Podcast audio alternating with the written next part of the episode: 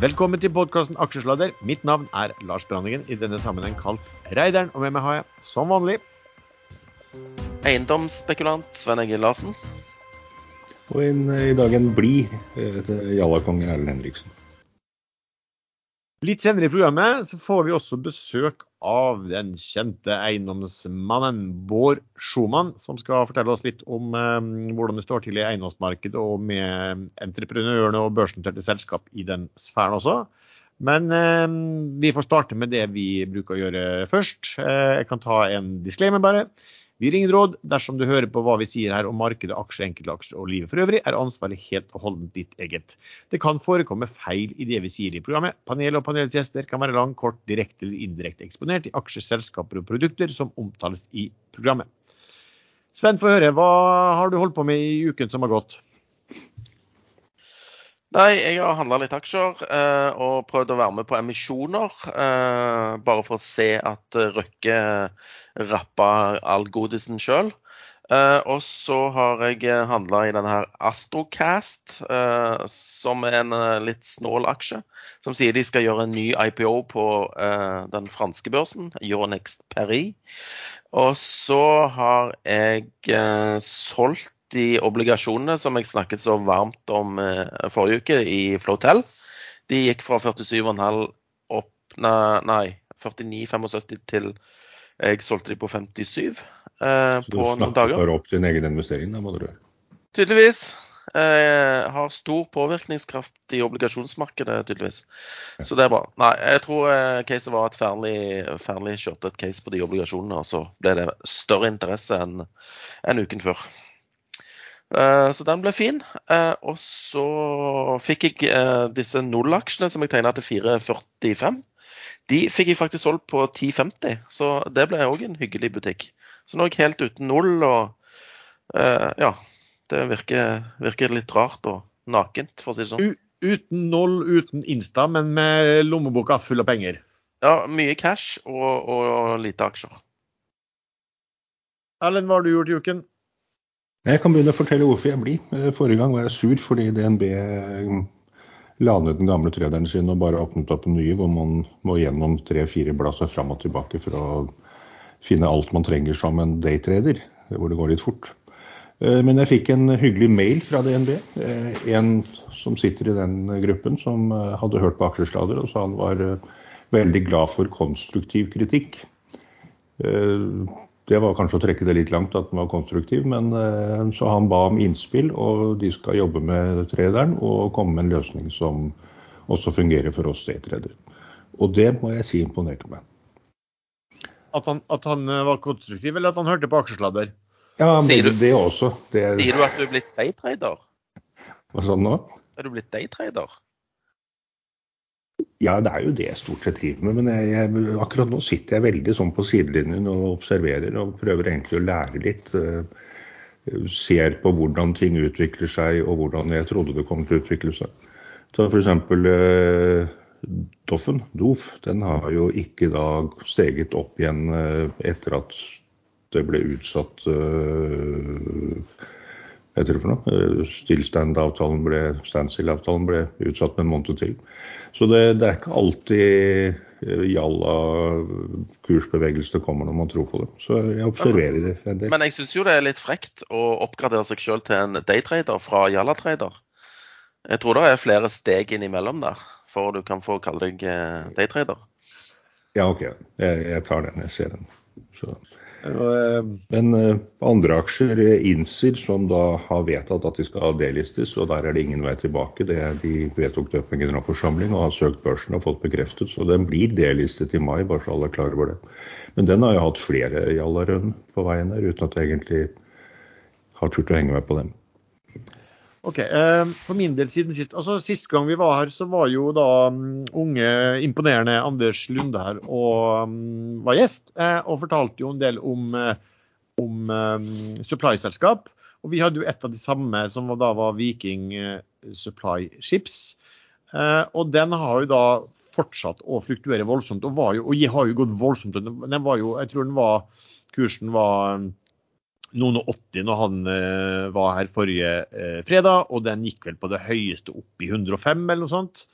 Eh, og nå har den falt en del tilbake. Jeg har solgt mine aksjer da i løpet av eh, uken, men nå må jeg begynne å se på den også, og kjøpe den tilbake. Den har vært helt, helt veldig bra å trade, for det har også kommet volum inn og, og, store svingninger, og gjerne store svingninger fra børsslutt eh, ene dagen til litt utpå dagen neste.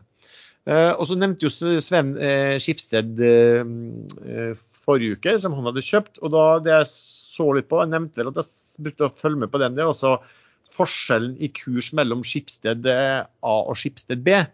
Differansen på de to aksjetypene er jo stemmeretter. Og det jeg så var at den begynte å nærme seg, var, lå veldig høy, den forskjellen i forhold til historisk. Så da kjøpte jeg Skipsted B og shorta Skipsted A.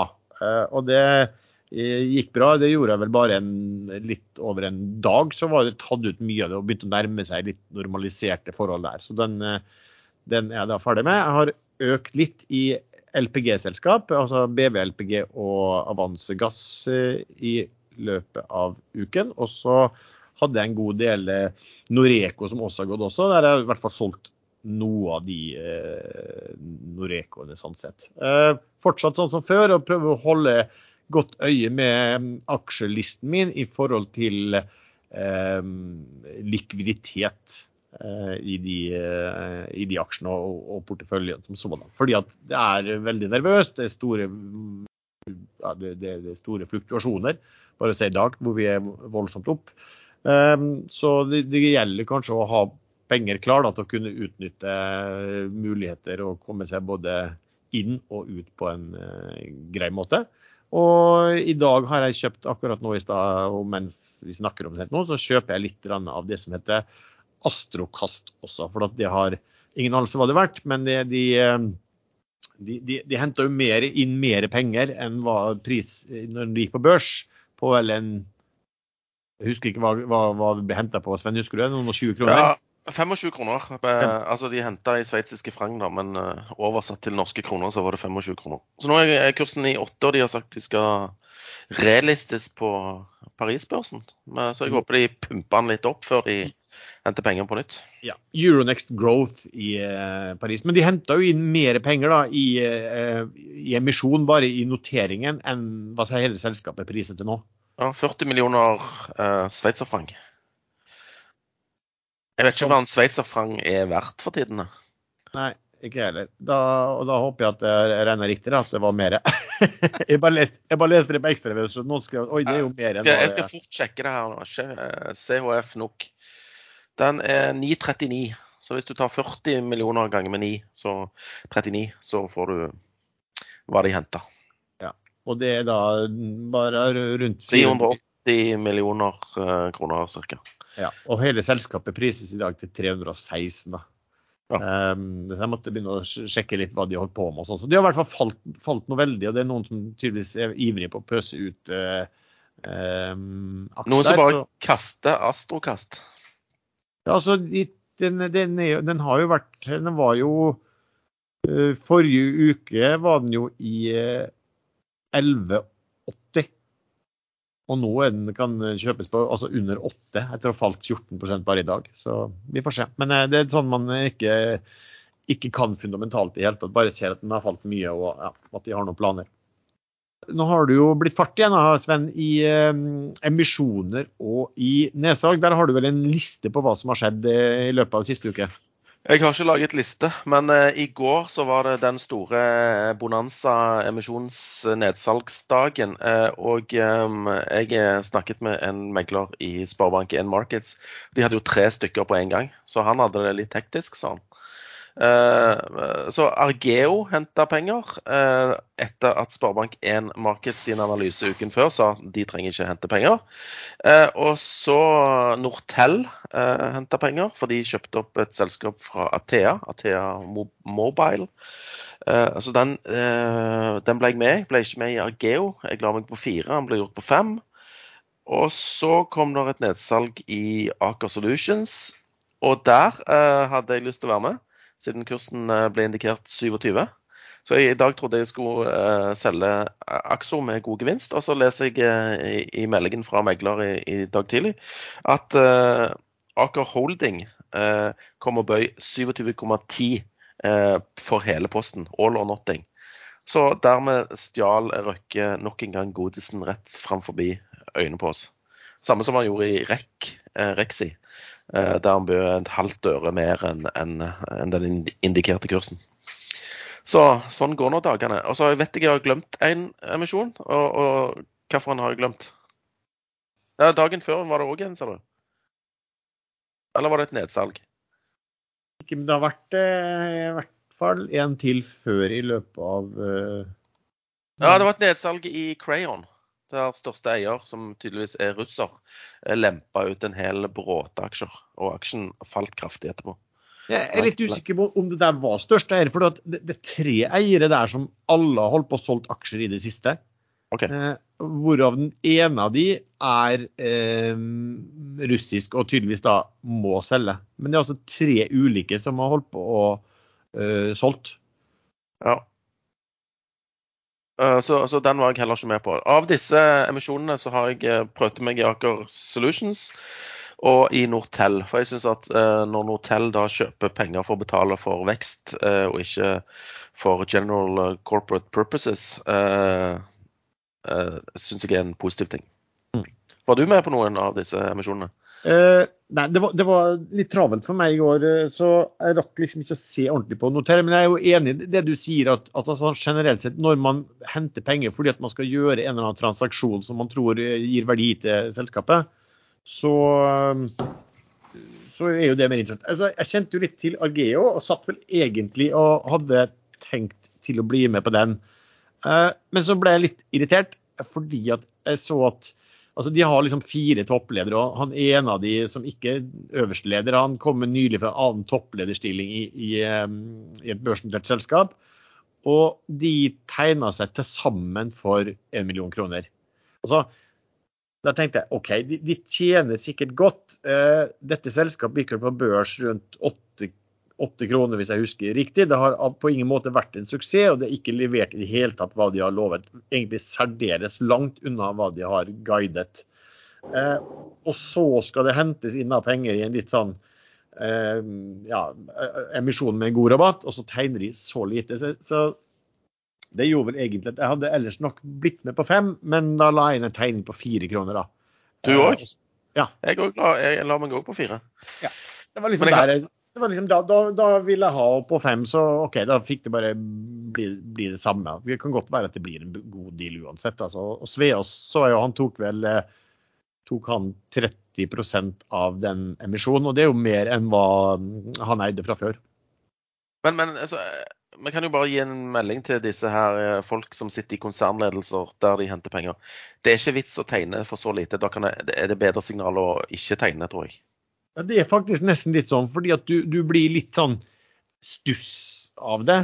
Ja. Eh, og, og i hvert fall i selskap kanskje hvor det er liksom opsjonspakker og sånn også, så, så sitter du nesten og føler at, at du får, du får en følelse av at dette er kommandert på en måte. At dette må vi gjøre, og, og nå skal det hentes penger, men jeg, jeg, jeg vil egentlig ikke. I hvert fall det du, det du mistenker. Men det var jo gode rabatt, altså store rabatter der. da. Eh, Prime, da, som eh, Jeg vet ikke om du vurderte den i hele tatt, Sven, men den ble jo gjort til eh, ti kroner. Og det var også 30 var vel den som var den største av, av de som, eh, som ble henta inn. da. Eh, De henta inn over 150 mil til kurs 10, og det var altså 35% rabatt. Eh, Ja, og aksjen er jo bare ned 10 for aksjen er ikke kommet. Altså aksjene i emisjonen er ikke tilgjengelig for handel ennå. Så, så den kommer sikkert til å, å falle litt mer ned mot emisjonskurs. Ja, det er vel ingen av de andre heller som er tilgjengelige. så Argeo var jo rabatt 18% så jeg, og Nortel var 15% rabatt. Men det er vel ingen av de aksjene som ennå kommer i handel på en stund. Stemmer det. Eh, og det er jo det, det er en, del, en del som liker det når du kan tegne deg og egentlig få eh, låne aksjer av en stor aksjonær allerede. Eller typisk sånn nedsalg i um, Aker Solution som du tenkte på, Sven, hvor du kunne få aksjen i hånda med en gang. Ja, men hva syns du om Røkke som kommer og byr ti ti øre ekstra? Ja, hvorfor ikke? Jo jo, men uh, Det feige lag, sier jeg da. Altså, det, det blir man sitter jo litt med en følelse av at, at, de går ut og gjør en bookbuilding, og når de også, også um, gir Aker beskjed om at eh, ring oss når dere er ferdig med bookbuildingen, og så eh, ringer megler og sier at ja, nå har vi bygga bok på 27, ja da kan vi ta all or nothing på 27,1. Hvis du skjønner jeg mener at, at, det er noen som får kanskje litt bedre informasjon enn andre. Men det er jo litt der, de gjorde jo faktisk det samme den gangen. Eh, nå er det jo et porteføljeselskap hos dem selv da, som de kjøper post av. Men eh, det var litt sånn som de gjorde når de kuppa REC den gangen også. Kom inn helt på slutten og bøy litt mer enn eh, boka var. Men, men, hvorfor de vil eie mer av Aker Solutions, nei, det er jo et godt tegn på at de syns det er verdi der, da. Ja, derfor aksjen er opp i dag. Mm. Nedsalget ble gjort på 27,10, og nå er den i 32,10. Det er fem kroner opp, det. Mm. Uh, men en annen vi kan nevne, da, som vi har snakka altfor mye om i neste led, men bare nevne at uh, den emisjonen som ble beslutta i Norway Royal Salmon, den ble jo da Eller den ble jo ikke beslutta, den ble gjort, men måtte godkjennes i generalforsamling. Men den ble jo nedstemt i generalforsamling.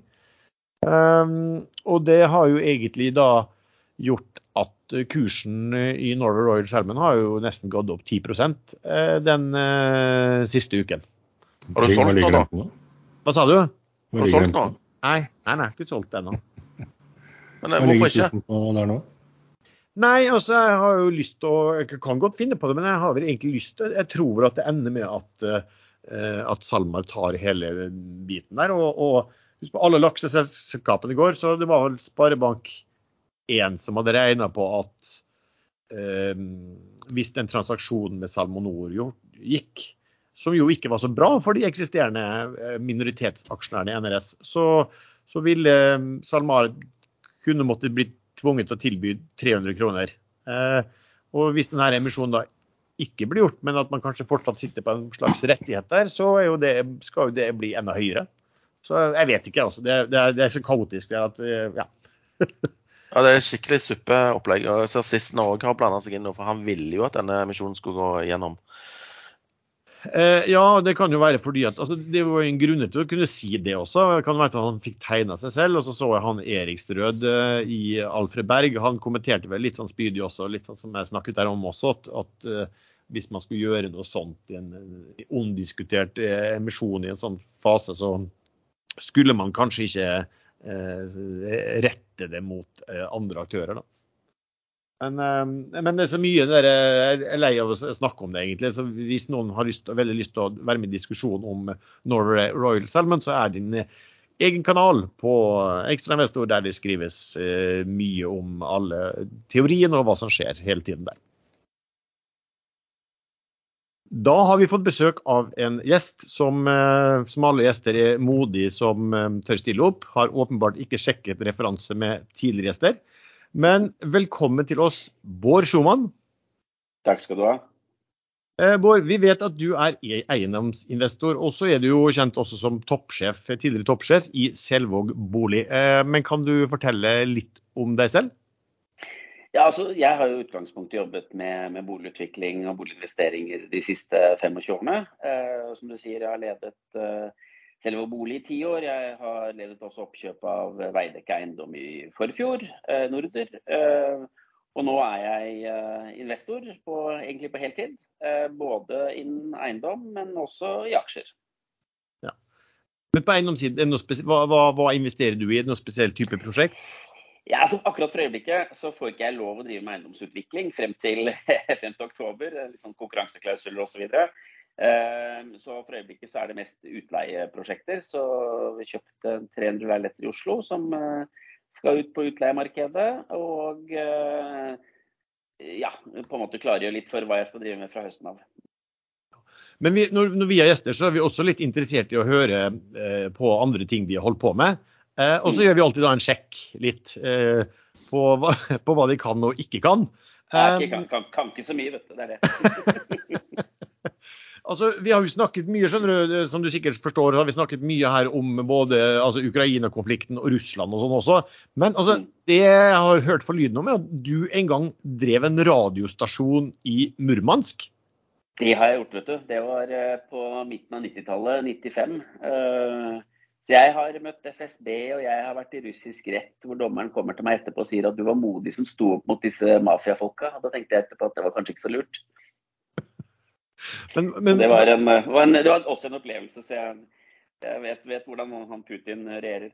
Ja, men hvordan, hvordan, kom det seg til at du, du altså, var, var, det noen ting du var aktiv eller på eiersiden, eller hvordan var det? På, på eiersiden aktivt. Lang historie. Jeg, eh, på, på 90-tallet så drev jeg lokale radiostasjoner flere steder i Norge, bl.a. i Oslo. Eh, som jeg bl.a. har solgt til Energy, franske konsernet. Eh, har også solgt til A-pressen etter, etter, det. og eh, I forbindelse med det så kommer det en kamerat til meg og sier du, ja, vi kan få en radiolisens i Murmansk, er det interessant? Og så tenkte jeg ja, hvorfor ikke, det er jo spennende det. Så vi stilte jo opp med, med alt utstyret, topp moderne utstyr med, som var fulldigitalisert med data osv. Og, så og, og fikk det over til, til Murmansk. Hadde selvsagt en lokal partner, for det måtte man ha på det tidspunktet. Fikk ikke lov å eie alt selv, 50-50. Og hva tror du det skjer når det kommer naive nordmenn til, til, til, Russland på 90-tallet? Vi blir jo rundlurt av vår partner. Så så vi tok jo det utstyret og, og så sa vi at dette gidder vi ikke lenger. og i den forbindelse så ble vi jo da saksøkt av partneren for, for dette her. Og, og, dermed så havnet vi i russisk, eh, russisk rettssal etter at vi hadde vært en liten tur og hilst på noen FSB-offiserer neste gang vi kom til Murmansk. fordi da var det selvsagt noen som hadde betalt de for å plukke oss opp på flyplassen. da, vet du. Ja. Uh, men hvordan fungerte da rettsapparatet der? Var det sånn at det, det var avgjort på forhånd? Nei, det, det faktisk, eh, dette her var jo som sagt 95-96, og det var faktisk før Putin hadde blitt eh, eh, ordentlig diktator, hvis vi kan si det sånn. Så det var jo faktisk da rettsvesenet funket ganske OK i Russland. Eh, selv om det var jo mafia, mye annen mafia, for å si det sånn. Men, men rettssystemet funket ganske bra. Vi vant faktisk i retten. Så. Sånn sett så virket det i hvert fall på meg som det funket. så du satt ikke sånn bur? Som man ser nå? Nei, jeg sa, og sitte i bur. Men uh, det, det, som var mer etterpå, var vel at uh, sagt at dommeren kom til meg og sa etter at, uh, rettssaken at du er jammen modig som tør å stille opp i denne retts, rettssalen her mot den, denne mafiagjengen her. Det, det, mente at det var ikke mange som gjorde. Og det, det var kanskje den norske naiviteten som slo inn der. Men, men tok du konsekvensen av det da? Reiste hjem og kom ikke tilbake igjen, eller?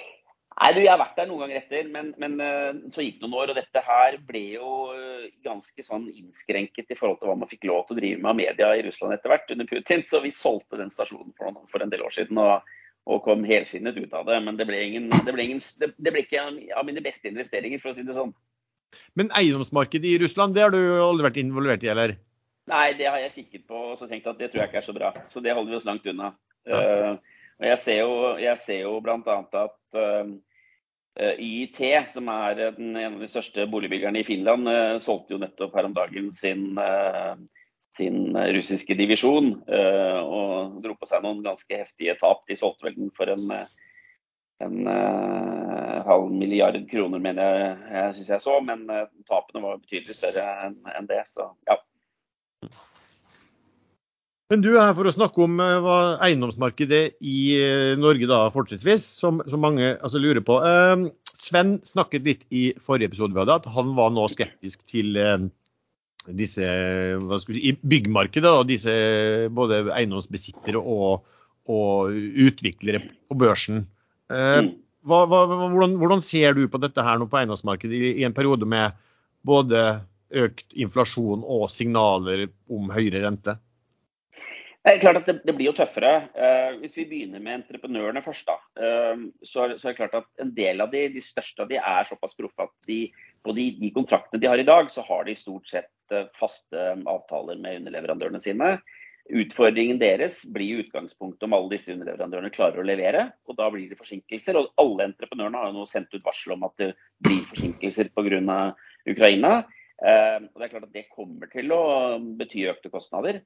Um, og hvis du ser litt uh, fremover, så tror jeg um, det blir en utfordring å få noen fornuftige priser til å komme i gang med byggingen. Både på næringsbygg, men også på bolig. Fordi at det er ingen som tør å ta risikoen lenger. Normalt sett så får du entreprenøren din til å ta all risiko på innkjøp av materialer og, og lønns- og prisvekst. Det gjør de ikke lenger. Og Da er det spørsmålet hva, hva, hvilken risiko tør de å ta. Og du kan si det sånn, De store har en såpass bra balanse at de tåler det fint. Jeg tror de største taperne er den største risikoen, er på de mellomstore, som kanskje opptrer mer i spotmarkedet, og kanskje har inngått avtaler om byggeri hvor de ikke har bundet opp underleverandørene sine og skal ut i spotmarkedet og kjøpe nå. De sliter. Mm. Det er vel også et problem med arbeidskraft? Ja, helt klart. Og det, det, det ser vi jo. Altså arbeidskraften. og den, den Eh, hvis vi kommer så langt at Ukraina skal bygges opp igjen, da, så, så vil jo mm. det kreve, kreve, sitt også. Og det vil jo gjøre at vi kanskje har en større utfordring i en periode med å få den arbeidskraften vi har behov for å, for å komme tilbake. Og vi ser jo det allerede nå, at det er, stor, det er jo stor mangel på, på, arbeidskraft som tidligere har kommet fra Polen og andre steder, som ikke kom tilbake etter pandemien. Um, og Vi ser jo at typiske tekniske fag, da, altså det betyr ventilasjon, rør osv., som før for en leilighet i Norge kostet rundt 350 000 kroner kanskje per leilighet, nå ligger på 550 000. Så kostnadsnivået har jo eksplodert.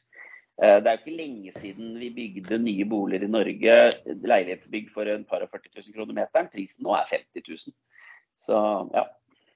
Jeg driver selv et lite byggefirma. Eh, vi har polske ansatte. Eh.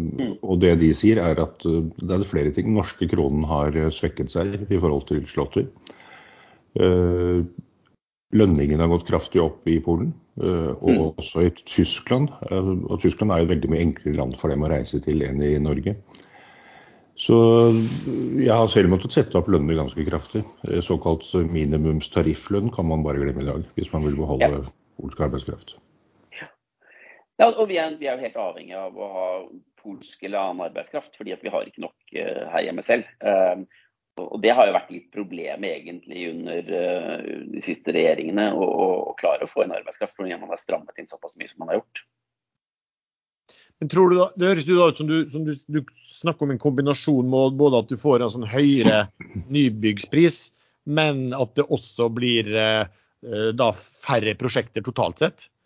Ja, Det kommer til å bli færre prosjekter totalt sett fordi at én, prisene blir høyere. Det er ikke sikkert at alle kommer i, kunne, kan sette i gang. Uh, uh, jeg tror jo at boligprisen i Oslo det er ikke så farlig, fordi at her har prisnivået vært å og, og kommer fremdeles til å stige, rett og slett fordi folk har penger. Ehm, men hvis du, hvis du, reiser til andre byer i Norge, så begynner byggekostnadene å bli så høye nå at der skal, der, skal, prisveksten opp for å klare å sette i gang prosjekter. Og så vet vi jo det at det stopper opp når rentene øker. Så jeg tror det kan bli et par interessante år eh, fremover nå for, eh, for boligbyggerne. Det er et par eh, elementer til i Oslo Viken. Der har jo regjeringen vedtatt at det ikke er lov å ha annet enn fulltidsansatte. Ja, det er, altså, det er, jo også helt uh, håpløst. Også egne ansatte. Du får ikke lov å bruke bemanningsbyråer på samme måte lenger. Det blir også altså, ja, det er helt håpløst, for å si det rett ut. Sånn.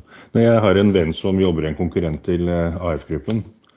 Eh, han er medeier der. Eh, og jeg sendte han en tekstmelding da den loven kom og sa at dette er jo gull for meg, nå blir konkurrentene mine borte. Og da svarte han tilbake at det er sikkert gull for deg, men for oss er det en katastrofe. Hvis du skulle tenke aksjer, nordiske aksjer innen denne entreprenørbransjen, hvilke ville du vært mest skeptisk til? Ja, altså, utgangspunktet er jo at uh, du vil jo få et problem med alle de store uh, som, som, er børsnotert. Altså, du vil jo få en, kan få en utfordring med, med Skanska. Uh, Veidekke kan også få en, en stor utfordring. men kanskje spesielt type JM i Sverige, som bygger boliger i all hovedsak, og i stort sett i de største byene. det tror jeg kanskje er de som vil merke det, merke det mest. Eh, de som driver med infrastruktur, eh, som eh, NRC og et par andre, de får ikke samme hiten. fordi at der er det ikke så mye, der er det mer si, manpower som, som, som, står på det. Det er ikke så mye stål og betong da, som, som virker inn, som det er hos en del av de andre.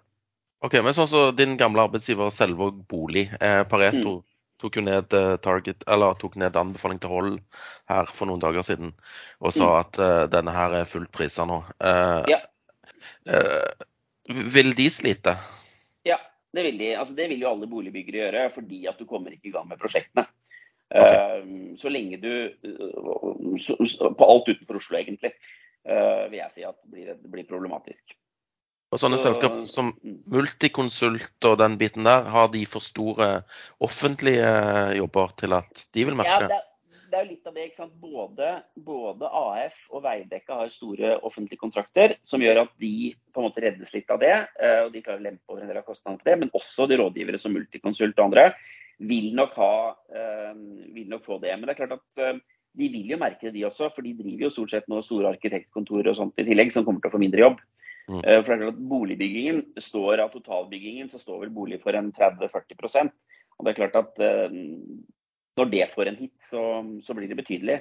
Um, og så har du de aktørene som driver med, med småhus. Nå er ikke de børsnotert, uh, noen av de, så vidt jeg kan huske. Men, men de vil jo også merke det i forhold til de, uh, de prisene vi ser nå på, på tre og, og tømmer. Og Denne nye småhusplanen som kom i Oslo i går, banket gjennom i går, kom brev til uh, mail til alle aktuelle. Prisene på de som har sittet på eiendommer som de trodde de kunne selge til en oppkjøper eh, som skulle lage fire-åtte små leiligheter på den, de, de har jo rast i kjelleren over natten. De har rast i kjelleren over natten, og jeg syns kanskje mest synd på de aktørene som er, la oss kalle det eplehageutbyggere, som vi kjenner fra, fra Oslo, hvor, som, som bygger ut akkurat det. Mange av de har jo kjøpt seg tomter og, og sitter på de nå. og en, de har fått en vesentlig lavere utnyttelse enn det de har, eller hadde. Det er jo nesten 50% ned på utnyttelsen. Det er det ene. Og det andre er at, eh, at de nå har fått bygg- og, bygg og deleforbud. Dvs. Si de får ikke lov å begynne å bygge. og Spørsmålet hvor lang tid skal de sitte og vente på det. Går det to år før de kan sette i gang igjen? ikke sant? Eh, Også med lavere utnyttelse.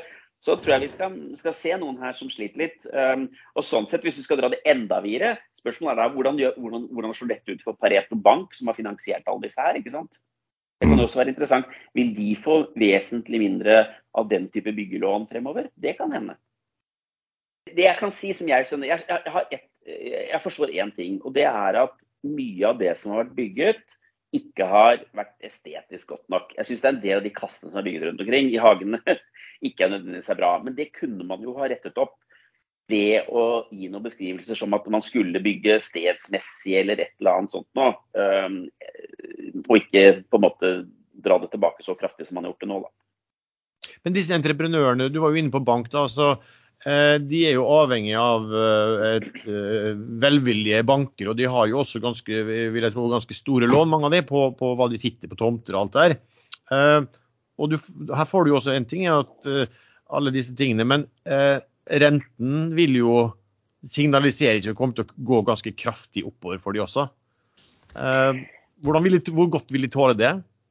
Jeg, jeg tror det går, det går forholdsvis greit. Vi skal huske på hvert fall de største aktørene.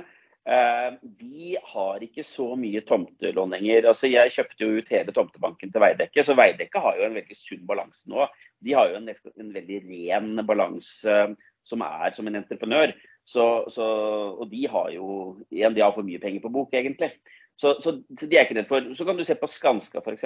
og JDM. da, De har store tomtebanker. Så de vil jo kanskje få en noe større utfordring enn en norske Veidekke. Og i og for seg AF også har jo heller ingen stor tomtebank.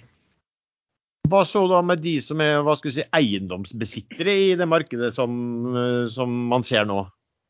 Nei, altså, Det er jo det som blir et spørsmål. Nå virker det jo som om, om um, og det markedet har kommet ganske bra tilbake etter, etter, etter pandemien. Og etterspørselen etter kontorer og sånn sentralt i byene har jo vært bra. Uh, men det er klart at dette vil jo påvirke. Og det som også vil påvirke, vil jo være, um, vil jo være rentenivået som gjør at det kanskje ikke er så interessant å investere like mye lenger, fordi at gildene blir jo dårligere. Så det var et spørsmål, f.eks. en som kom, det var eh, om du hadde noen synspunkter på risikoen på Entra. For der var det, det er vel et bud som kom en gang var vel i fjor, eller var det i 2020? Det kom et bud som, var vel i fjor, som ligger vesentlig over eh, dagens kurs nå. Ja, nei, altså, Nå har ikke jeg studert de på en stund. Uh, det som har vært med Entra, har jo vært at de har hatt veldig lange kontrakter og veldig mye offentlig. Så Sånn sett så har jo det reddet de. Uh, samtidig så har jo de holdt um, De har jo gjort veldig store investeringer i, i, på en måte det grønne skiftet og i forhold til det å investere i nye grønne bygg, som jeg kanskje er litt skeptisk til om de får betalt for uh, sånn umiddelbart. Um, um, så ja, den, den, der tror jeg kan være en, en, en, utfordring, en utfordring fremover. Mm. Nå har de, når, det, når det er sagt, så har de jo kuttet porteføljen sin utenfor Spesielt utenfor Oslo så har jo konsentrert porteføljen sin mye bedre da, de siste par årene. Det vil, jeg ser noen som kommenterer også at det kan jo være bra for, for besitt, eiendomsbesittere som, altså har, som leier ut med inflasjonsjusterte leiekontrakter og når høy gjeld, men med fortsatt negativ realrente. Ja, det, det, det, er klart at det er det. det men, men allikevel så tror jeg på nye prosjekter da, blir det tøffere å klare å regne hjem. Uh, Ut ifra de investeringene som Altså hvilke, hvilke GIL-nivåer vi har sett uh, de siste par årene. Uh, så er det flott for de som allerede har utleide bygg på lange kontrakter. Så er det supert, det som skjer. Men det kommer og biter dem på et eller annet tidspunkt også. fordi at på det øyeblikket du skal begynne å fylle disse byggene igjen, så er ikke det like enkelt, kanskje. Det er en som skrev at uh, han syns den ser en trend at altså, syndikat og meglerhus syr sammen uh, stadig større eiendomsporteføljer for salg som skal gå til utenlandske investorer. Uh, er det noen ting du, du, du ser, og, og vedkommende lurer på om det i så fall er et, et sånt topptegn? Ja, det er topptegn er vanskelig å si, men det er klart at vi, jo, vi ser jo uh, mye sveitsere, tyske, tyske fond osv. Som, som kommer til, til Norden generelt uh, for å investere pengene sine, for de har hatt en billig kapital. Uh, og det har vært et godt eiendomsmarked i Norden, og, og dermed så har man, har man pakket, pakket, det. jeg har fulgt med litt på, på, på det svenske markedet som, som gjelder utleieleiligheter der. og der er jeg kanskje redd for at det har vært en overinvestering en periode. Altså Der lurer jeg på om, om um, altså du, du, I det svenske markedet så har du nå fått bedre betalt ved å selge til den type selskaper eh, enn å selge til sluttbrukere. Uh, det har faktisk ligget prisnivåer på opptil 10% høyere ved å selge til utleie enn uh, til det vi kaller altså, Det svenske markedet er vel det svenske markedet er vel, boligmarkedet veldig forskjellig fra det norske. Det er veldig mange flere nordmenn som eier egen bolig enn i Sverige. Ja, veldig, veldig stor forskjell på det. Eh, nå tenkte jeg mer på avkastningen. Altså det begynner å, Man har på en måte gått inn i det svenske utleiemarkedet med en ganske lav avkastning. og det er spørsmålet Hvordan slår dette ut når rentenivået stiger for en del av de. Det tror jeg kan bli litt Jeg tror det kan bli vondt for noen av de da, for å si det sånn, når de skal refinansiere på et eller annet tidspunkt. Ja, for var, Det var faktisk et spørsmål det der med hva du tenker om de svenske eiendomsselskapenes finansiering, type SB i, i Norden og heimestaden Bostad. altså en, Vedkommende skriver at enkelte kaller den type finansiering de har ekstremt aggressiv. Ja, den er jo det. Altså, det, er jo, det, er jo, det er jo eneste du ser på de selskapene. Det eneste på en måte resultatet som kommer fra de selskapene, er jo stort sett oppskrivninger. Eh, på verdiene. Eh, det er jo ganske tynn cashflow der. Og da klart at Den type selskaper vil jo, vil jo, få en utfordring. og Jeg ser jo noen av SBB og, og sånt, og de, de, sliter jo med de sliter jo med obligasjonslånene sine nå. De handles vel på mellom 80 og 85 eh, nå, mener jeg å huske. Så det er klart at det sier jo litt. Det sier jo at, at markedet har tatt inn over seg det som har, det som har skjedd. Og da tenker jeg at Hvis du da må ut og refinansiere en del av de tingene, så kan det bli litt vondt en periode. Ja. For SBB var vel de, hvis jeg husker riktig, at det kom noen eh, påstander om litt foul play. At de, de mente at det regnskapet var litt, eh, litt småråtten fra noen aktører også? Ja da, og det, det, det, kom det jo med.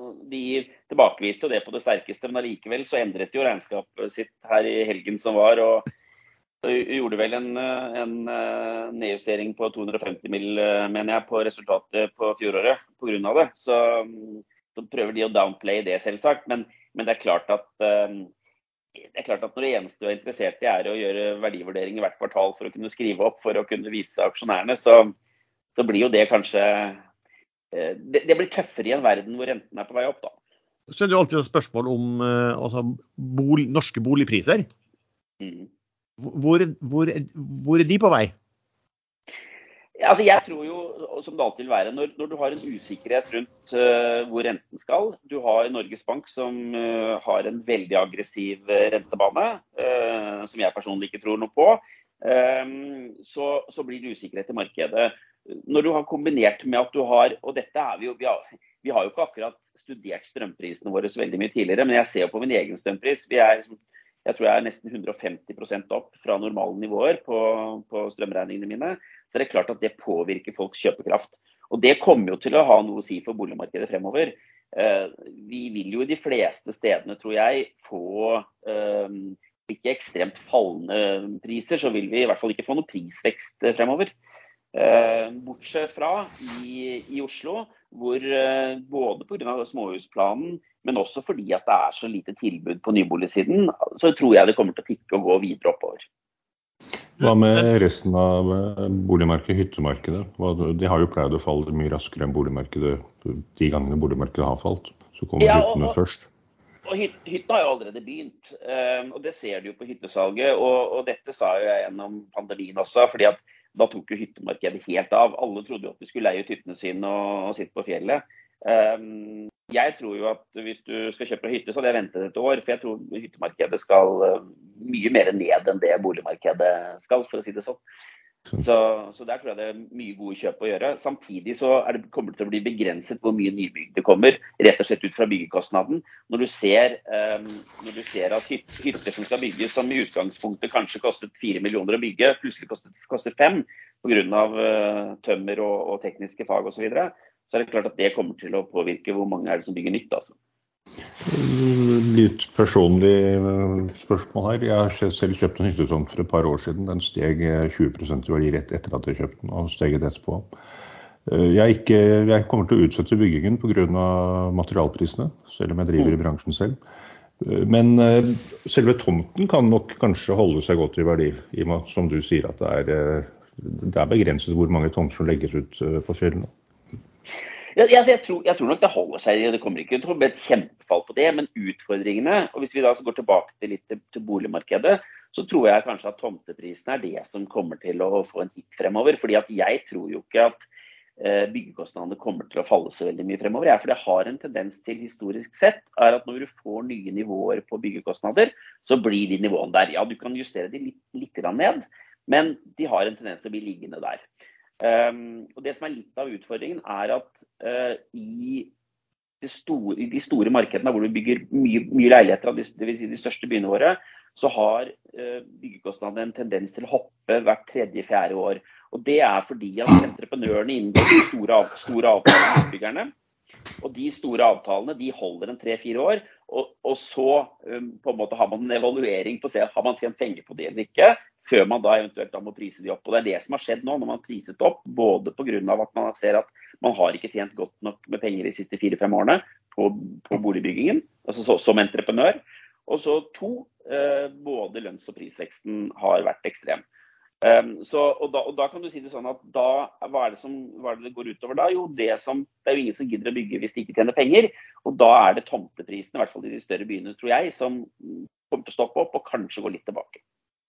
Jeg merka meg en ting du sa. Du sa at du, du, tror ikke på den rentebanen som Norges Bank har skissert, var det riktig? Ja.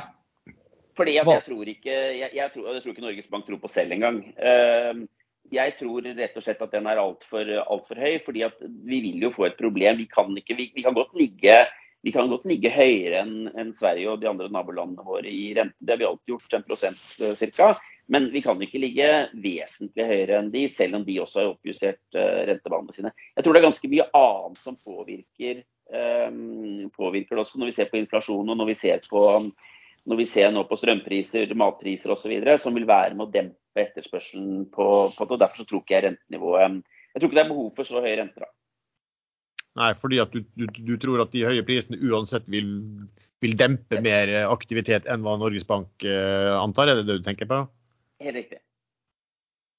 Eh, så var det et spørsmål her også om eh, næringseiendom, da, spesielt. om hva, du, hva, hva, tenker du om næringseiendom framover? Da er det logistikk i forhold til kontor og storby i forhold til mindre steder?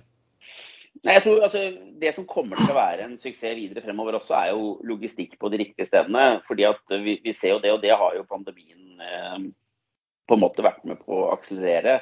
Og Det er jo at folk øh, ønsker å handle mer på nett og bestille, og vi trenger mindre butikker enn det vi har kanskje hatt tidligere, og få mer ting levert.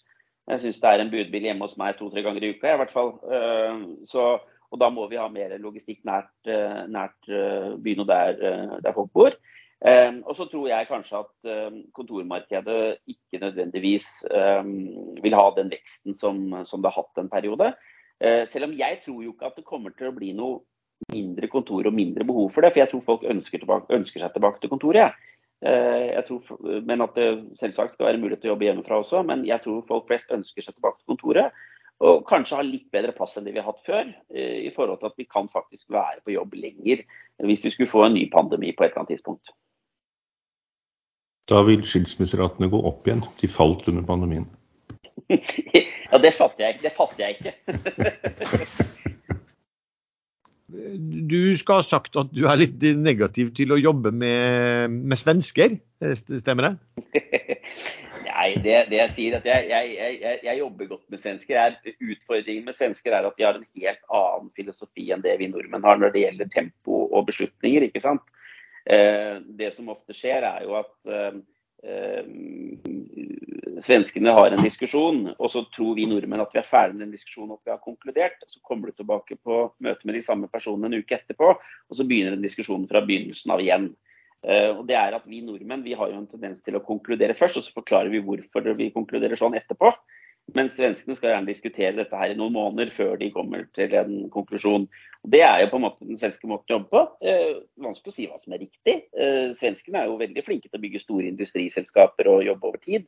Vi nordmenn har vel kanskje litt mer fart, da, for å si det sånn. Og, og, og jeg som type har kanskje litt mer fart. Og det, det, kan bli en utfordring av og til.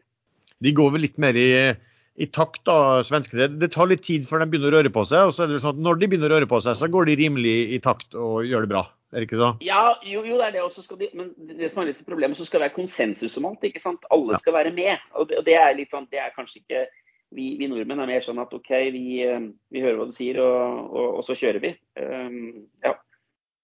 Uh, gutter, er det noe ellers dere har lyst til å spørre Bård om? Ja, Han nevnte jo at han drev på med litt aksjer òg, så vi kan jo spørre om han har noen favoritter for tiden? Eller om han har noen gode case å dele med lytterne? Eh, nei, altså jeg, jeg, jeg, har vel Jeg har vel jeg har, jeg har, solgt meg ned i en del i det siste, for jeg har vært litt sånn usikker på hva jeg skal gå inn på. Så jeg har gått inn på noen jeg tror er veldig lange. Eh, som jeg nevnte i sted, var jeg er positiv til eh, NRC Group, som bygger eh, jo stort sett jernbane altså, i Norge, Sverige og, og Finland. Det tror jeg er et veldig bra case going forward, fordi at de har heller ikke noe de, de får ikke det samme trykket på, på materialer osv. som en del av de andre entreprenørene får. Det tror jeg er et bra case. Nå, har det det jo vært litt sånn ras på den aksjen i det siste. Jeg tror det er en en, en, god kandidat, men ikke, ikke det korte bildet. Det er, en, det er, nok en aksje jeg sitter på en to-tre år. Men da tror, den, da tror, jeg den, fort kan oppføre seg som, som AF-aksjen har gjort over tid.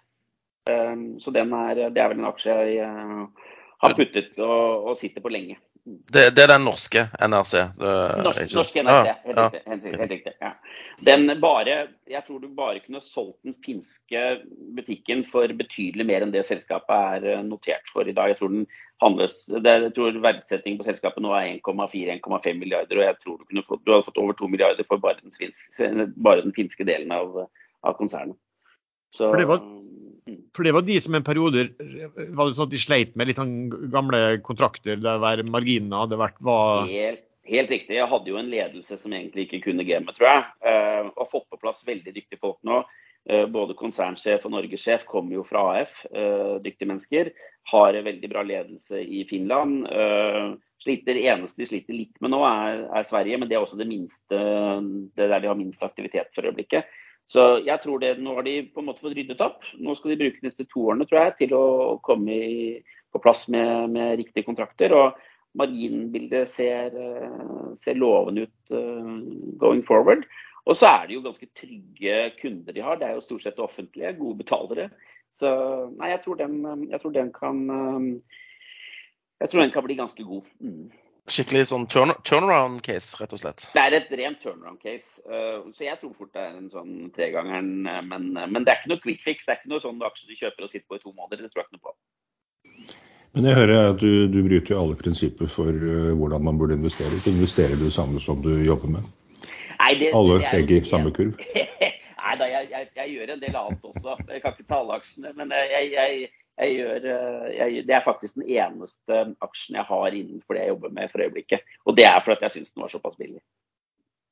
Men Pareto Bank var du litt eh, skeptisk til pga. mengden eh, av, av, av, av um, nybyggprosjekt, eller så?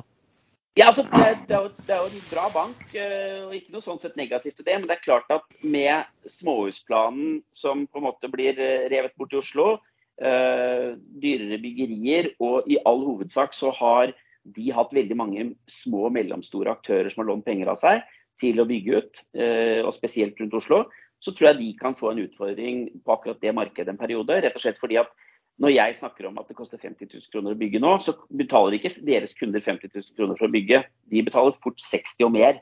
Fordi at det er småprosjekter som har helt andre byggekostnader enn de store utbyggerne har. Um, så jeg tror mange av de kommer til å bli satt på vent. av de små, småprosjektene. Og da kombinert med at du ikke får lov å bygge ut uh, i Jeppedagen i Oslo, det tror jeg kan bli litt vondt. Men hvis man eh, Pareto sitter jo selvfølgelig med pant i disse eiendommene som de har vært med å finansiere. Kan ikke det også snu motsatt vei? At de da blir sittende med en større eiendomsmasse som vil kunne få en bedre verdi? Ja, men det kan si sånn, ikke, Jeg tenker ikke så mye på den veien. for at Bankene de, de sluttet jo å være så dumme at de skulle realisere den type tap uh, etter, for, etter, etter, forrige bankkrise. Nå lar de jo sånn kundene sitte på med dette. her, så Det er ikke det at jeg sier at de taper på det. Problemet deres er at de får ikke noe omsetning. De får ikke lånt ut noe penger. Det er jo det som blir utfordringen. Altså det, det, det, bankene tjener penger på, er jo ikke tomtelånene, det er jo byggelånene. Bankene elsker byggelån, fordi at det er byggelån som er på mellom 12 og 18 måneder. ikke sant? Det er korte penger. Bankene vet hvilken fundingkost de har på de lånene. Eh, skal bankene låne ut ti år til tomter eller, eller, næringsbygg, så er jo ikke de så glad i det, for det tynger balansen deres mye mer enn et byggelån gjør. Mm.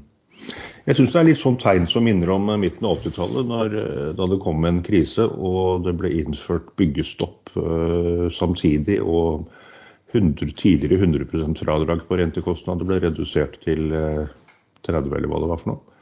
Mm. Sånn, alt skjedde over natten. så Jeg syns det er litt, litt, samme tegn nå, at man innskrenker og skjerper inn regler og krav samtidig som vi allerede har flere, mer enn nok andre problemer, og som vi heller ikke vet hvordan vi ender. Ukraina-krigen f.eks. Er det ikke den en periode man regjeringen egentlig burde holde fingrene litt av fatet? Jo, jo, og så kan du si sånn, jo da, og så er det ikke de samme menneskene som gjør de samme tingene her. og Det er det som er litt uheldig. ikke sant? Altså, øh, og, og, Det er derfor jeg sier også at det er derfor jeg ikke tror noe på rente, rentebanen. Rett og slett fordi at når dette begynner å stoppe opp, så kommer Norges Bank kanskje til å måtte sette ned renten på et eller annet tidspunkt hvis de har økt den for mye. Rett og slett fordi at aktiviteten blir, eh, blir sånn som den var i 2008-2009 eh, etter finanskrisen. Svært lav. Eh, og da er vi i gang igjen. Etter finanskrisen, og i og for seg etter bankkrisen også, så er det jo slik i Norge at vi bygger jo ikke boliger på spekulasjon. Ei heller så veldig mye næringsbygg på spekulasjon. Vi liker jo enten å ha en leietager til det bygget vi skal bygge, eller vi liker å ha solgt i hvert fall halvparten av de leilighetene vi skal begynne å bygge, før vi begynner å bygge. Sånn at risikoen på det vi driver med i boligmarkedet eller eiendomsmarkedet i Norge er jo lavere enn det er i de fleste andre markeder i verden. Drar du til USA, så er det jo en helt annen risikovilje eh, på det. Det betyr også at både entreprenører og eh, utbyggere kanskje har en noe lavere margin i Norge enn de har i USA. Men i USA så er det mye, mye, mye mer boom-bust-marked. ikke sant? Altså Der er det bånn gass en periode, og så er det full bråbrems.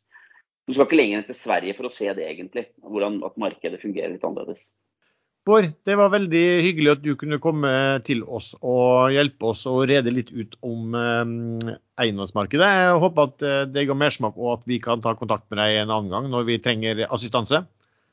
Det er veldig veldig hyggelig. Og så får vi satse på at eh, jeg ikke svarte altfor feil i dag, sånn at dere vil ha meg tilbake. da, vet du. Ja, men hvis du har gjort det, så vil vi i hvert fall ha deg tilbake, vet du, for da kan vi klage deg litt. Ikke sant. Ja, ja, hyggelig. Da. OK, takk for besøket. Takk skal du ha. Tusen takk.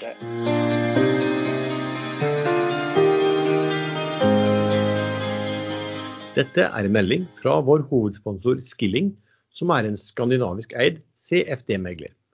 Skilling tilbyr kurtasjefri og lynrask handel i norske og globale aksjer, indekser og ETF-er, også bitcoin-ETF, olje og gass og masse andre råvarer, valuta og mer enn 50 forskjellige kryptovaluta. Skilling har en rekke forskjellige handelsplattformer og trading-apper. Skilling-trader, metatrader og C-trader, Snart vil du også kunne handle med TradingView sin plattform via Skilling. Du åpner konto med bank-ID, og du kan da handle på alle plattformene fra samme konto. Alt kan handles med eller uten giring, long eller short, til meget lave kostnader. Råvarer som er veldig aktuelle for tiden, kan stort sett alle trades hos Skilling. Olje gass, gull og sølv, til og med uranium kan du nå kjøpe og selge hos Skilling. Med bare en halv dollar i spredd på bitcoin er Skilling sannsynligvis også den desidert billigste kryptomegleren på markedet. Videre kan du trade i stadig flere norske og globale aksjer og indekser. Som sagt, kurtasjefri handel i nærmest alt av finansielle instrumenter til veldig konkurransedyktige priser. Skilling av kundeservice på norsk og industriens laveste kostnader på kryptohandel. Sjekk ut skilling.no om du ikke allerede har gjort det, og åpne Skilling-konto med bank-ID. Risikoadvarsel. 66 av ikke-profesjonelle kunder taper. Fullstendig advarsel finnes på skilling.no, og kryptotrading er ikke tillatt for britiske kunder. Og Lenken til Skilling finner du i beskrivelsen til denne episoden.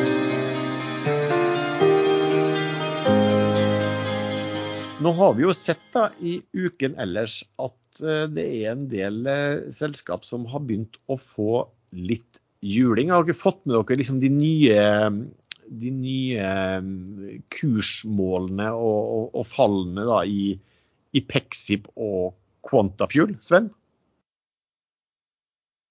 Jeg så at det var to meglerhus som kom med eh, salg og kursmål 10 i Quantafuel. Uh, hvilke to var det? Var Pareto den ene? Uh, nei, de det, nei det, var, det, ene var også Nordea, som hadde salg fra før. Men den som er fantastisk, er jo da uh, Arctic. de går fra Arctic var det, ja. De var jo veldig positive veldig lenge. Ja. Hva er det de begrunner, begrunner det med nå? Man kan ikke akkurat si at råvarertilgang er noe problem for Quantafuel.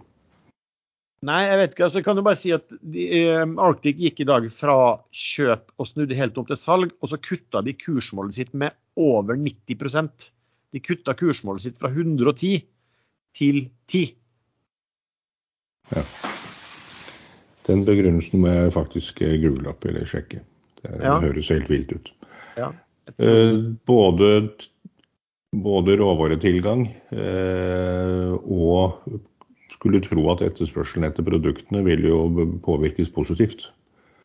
Eh, dette er jo eh, såkalt grønt produkt, hvor man utnytter et produkt som allerede har eh, blitt en CO2-belastning til å lage et nytt produkt. Så det er et nullsumspill. Jeg leser, jeg leser her fra, fra TDN. Altså, de har jo tydeligvis ikke fulgt med helt av Arctic i den, der, i den aksjen tror jeg, på, på en periode. må nesten si det sånn, for Det de sier, er at de synes forrige ukes annonsering fra selskapet om proof of concept er et steg i riktig retning. Etter flere måneder uten at selskapet har nådd målene kommunisert. Men likevel så mener Megderhuset at teknologien til selskapet trenger mer enn én ukes produksjon på høy kapasitet for å være godt nok validert. da. Um, og de ser også flere grunner til at tidslinjen som selskapet guider, kanskje ikke blir, uh, blir uh, nådd. Så eh, De, de var hørt litt sånn bakpå ut, da, for at mesteparten av det de skriver, er jo ting som har vært kjent veldig lenge. Og det har jo nesten kommet uh, gode nyheter på, i hvert fall helt i sluttampene. Ja, nei, men da gjorde i hvert fall Arctic sitt til at nå fikk jeg litt interesse for den aksjen. Ligger på 1840 akkurat nå. 1861. Nordea, Nordea har, jo vært, eh, de har jo vært ganske bearish til den uh, lenge. da. Det, det, det, var de som har vært mest bearish hele veien også. Spetalen var også veldig bearish. Han kalte uh, folk som kjøpte den aksjen for hjernedøde. Men det er et par år siden. Hva var det emisjonen ble satt på? Jeg Syns å erindre at det var 28 syns det kanskje høres litt ut, men jeg mener det var på 20-tallet i hvert fall. Men uansett eh, Kanskje det var 24? 24, tror jeg kanskje. Jeg skal, jeg skal finne det ut. Men eh, når de påstår at én ukes uh, testproduksjon ikke er 25, nok til proof of concept Hva? 25 ble den satt på. 25, ja. Eh, her sitter jo eh, ganske tunge aktører i dette markedet i styret. BASF er jo fremdeles eier, selv om de vel lot seg utvanne i den siste emisjonen, eller kanskje de to siste. Eh, jeg tror kanskje de vet hva de snakker om når de sier at proof of concept er oppnådd. Altså, men det er jo noen ting med at dette, de, um, Pexip har jo også fått noe veldig sånn nedgradert. altså Det er vel Pareto som kutta kursmål fra 70 til 25. altså noe helt enormt. Det er jo de der, hva skal du si, forventningsfavorittene da, til, til, en del meglerhus som virkelig står for fall også. Uh, Kahoot har jo også fått mye juling i det siste. og Det er jo også litt, det er pga. denne altså Softbank, som er storeier der, som, eller de er vel 17-18 Der Softbank har et hedgefond som man uh, skal legge ned, og som har solgt unna mesteparten av det de har. Og uh, noe av det lille de har igjen, er bl.a.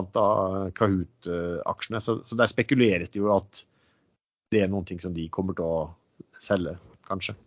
Du har Autostore òg. Eh, der eh, utløper eh, lockupen til bl.a. Softbank nå om 14 dager.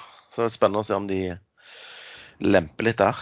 Nei, Sven, Kom det ikke melding der om at det var feil informasjon fra at, at Dagens Næringsliv hadde skrevet at det der ikke var helt riktig likevel? Uh, OK, det har ikke jeg fått med meg.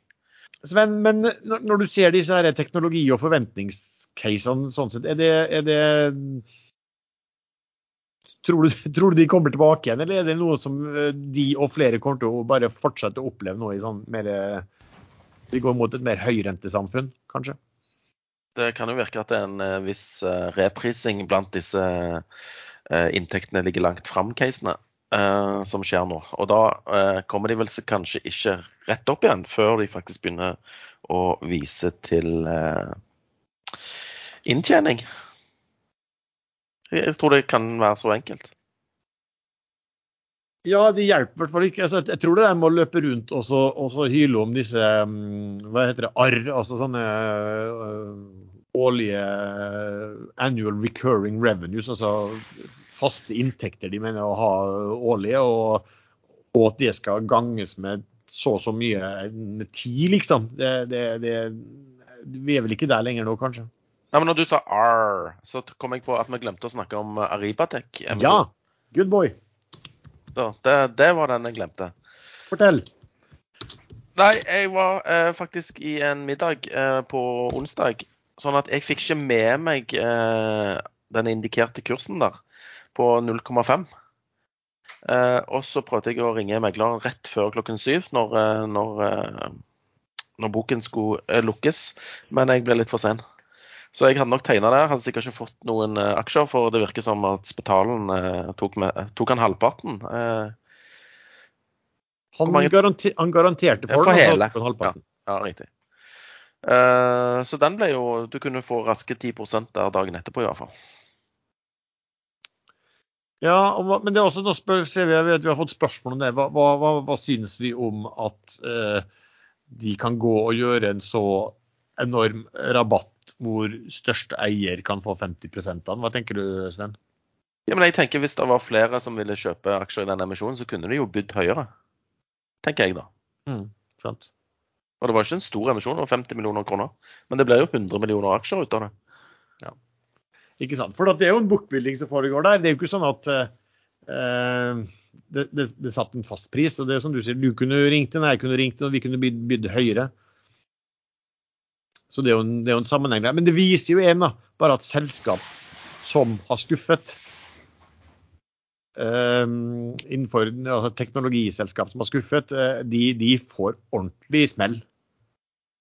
Uh, ja. Men, men det, som har, det, som har, vært i den aksjen, her, det er jo at nest største aksjonær, det, som jeg tror var gründeren uh, i selskapet uh, Nei, største aksjonær er det faktisk nå. Ariba Invest har drevet og solgt hele tiden. Men, ja, fordi uh, Ferncliff har flytta på 50 millioner aksjer. Derfor Ja, ah, selvfølgelig. De, uh, de, var vel lånt ut, ja. De 50 millioner aksjene fra Ferncliff. Ja, så det, så det var ikke, ja, det er ikke salg, eller? For det er vel han... Nei, det er, ikke, det, det, det er bare for å, å tilrettelegge for eh, T pluss 2 i emisjonen. Ja, ok. For Carnegie emisjonskonto Innland er kommet opp med 50 millioner eh, på tredjeplass. Men uansett, Ariba Invest har eh, solgt lenge. Eh, jeg tror vedkommende er blitt skvisa ut. Eh, og derfor er jeg blitt litt sur. Så han har fortsatt 79 millioner aksjer igjen. da. For han eier jo ikke altså det, det, er jo han eh, Per Ronny Stav som var CEO, men han er ikke CEO lenger nå, eller? Eh, så vidt jeg har forstått, så ble han lempet ut, ja. Erlend, du prøver jo å oppgradere deg fra Jalla. Begynner du liksom å fatte mer interesse for noe å gå inn i og kjøpe emisjoner og den typen der i disse teknologiselskapene som får bang på børsen? Nå var det mye skurr på linje her, jeg hørte ikke spørsmålet. Nei, det var mye skurr, ja. Nei, emisjoner eh, er nok noe jeg kommer til å holde meg unna en stund, bortsett fra helt spesielle tilfeller. Eh, man binder seg til en kurs et stykke fram i tid, og det tar lang tid før man får de aksjene. Så min erfaring har alltid vært at eh, det er bedre å trade i samme aksje i den perioden, og stort sett får man da aksjen billigere etter emisjonen. Det er veldig få aksjer som ikke selges ned til under emisjonskurs. Men det finnes jo selvfølgelig unntak, så når jeg blir stor, så skal jeg kanskje begynne med det. Når du blir eldre? Ja, men det er sånn man sier når man blir stor. Men jeg blir jo mindre og mindre, da. Så jeg vil kanskje heller si eldre. mer og mer innsunken? Ja, nå er jeg bare snart skinn og bein igjen. Jeg måtte stramme en beltetakk, og fremdeles sagger jeg. Så nå må jeg snart kjøpe en ny bukse her. Ja. Ny, ny tønne? Ja, det skal bli artig på uh, første livesending av, uh, av aksjesladder. Når jeg da kan uh, skvise meg mellom dere to småfeite deltakere. ja, det tror jeg det skal bli et syn, tror jeg.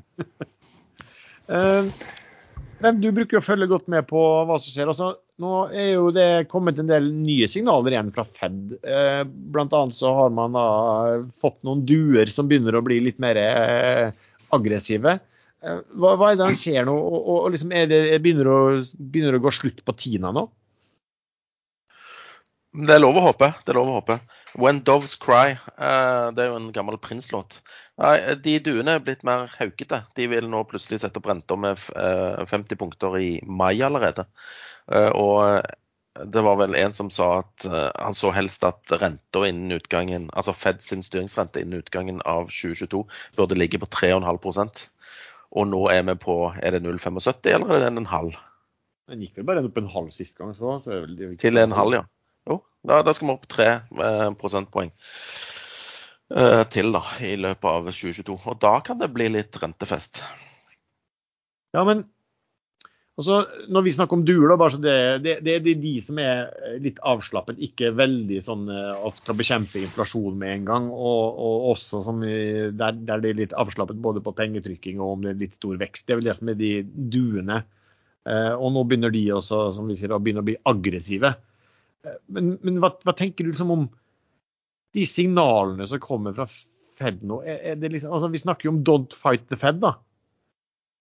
Eh, begynner vi å komme dit at 'don't fight the Fed' nå betyr at du kanskje ikke skal, skal eie så mye verdipapirer, eller? Vi har jo advart om dette i månedsvis, så vi ligger jo litt foran uh, køen her. Så, I mange år, Sven. Hæ? I mange år har du advart. Ja, ja. Med, rett, med rette. Nei da. Jeg har jo gått glipp av en del penger på oppsiden, for å si det mildt. Men uh, vi får kanskje rett til slutt, da. Men som jeg sa sist gang, hva tid skal liksom den store gruppen av investorer plutselig få panikk og si at faen, eh, det var reelt dette her med denne inflasjonen? Det har ikke skjedd ennå. I dag så er vi godt opp eh, på indeksene. Så det går ikke rett ned, og det går ikke rett åt skogen. Men i natt norsk tid da bidro jo det amerikanske både senat og Representantenes hus eh, ganske godt til å øke inflasjonen kraftig. 100 eh, av 100 senatorer, senatorer dvs. Si alle, stemte for, eh, for full oljeboikott av USA. Det var vel også et par andre ting som ble lagt inn i den. Jeg håper, de, mente, jeg håper, du mente, Russland og ikke USA.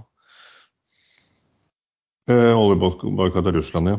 Så de vet hva resultatet blir. Det blir høyere pumpepriser. Så her har uh, Biden for første gang på så lenge jeg kan huske faktisk klart å samle Senatet og egentlig mesteparten av Representantenes hus også til å stemme for en sak. Det, det kan jeg ikke huske sist skjedde.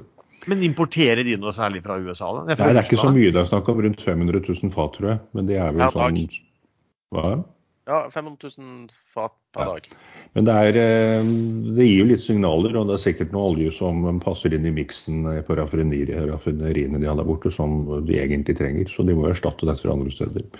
Så de med helt åpne øyne like før et mellomvalg, så stemmer alle for en sak som vil øke pumpeprisen i USA. Det er ganske fascinerende. Og, og hva skjer når pumpeprisen i USA stiger? Da, da blir det sånn svart svane-seier til Lars tre år på overtid.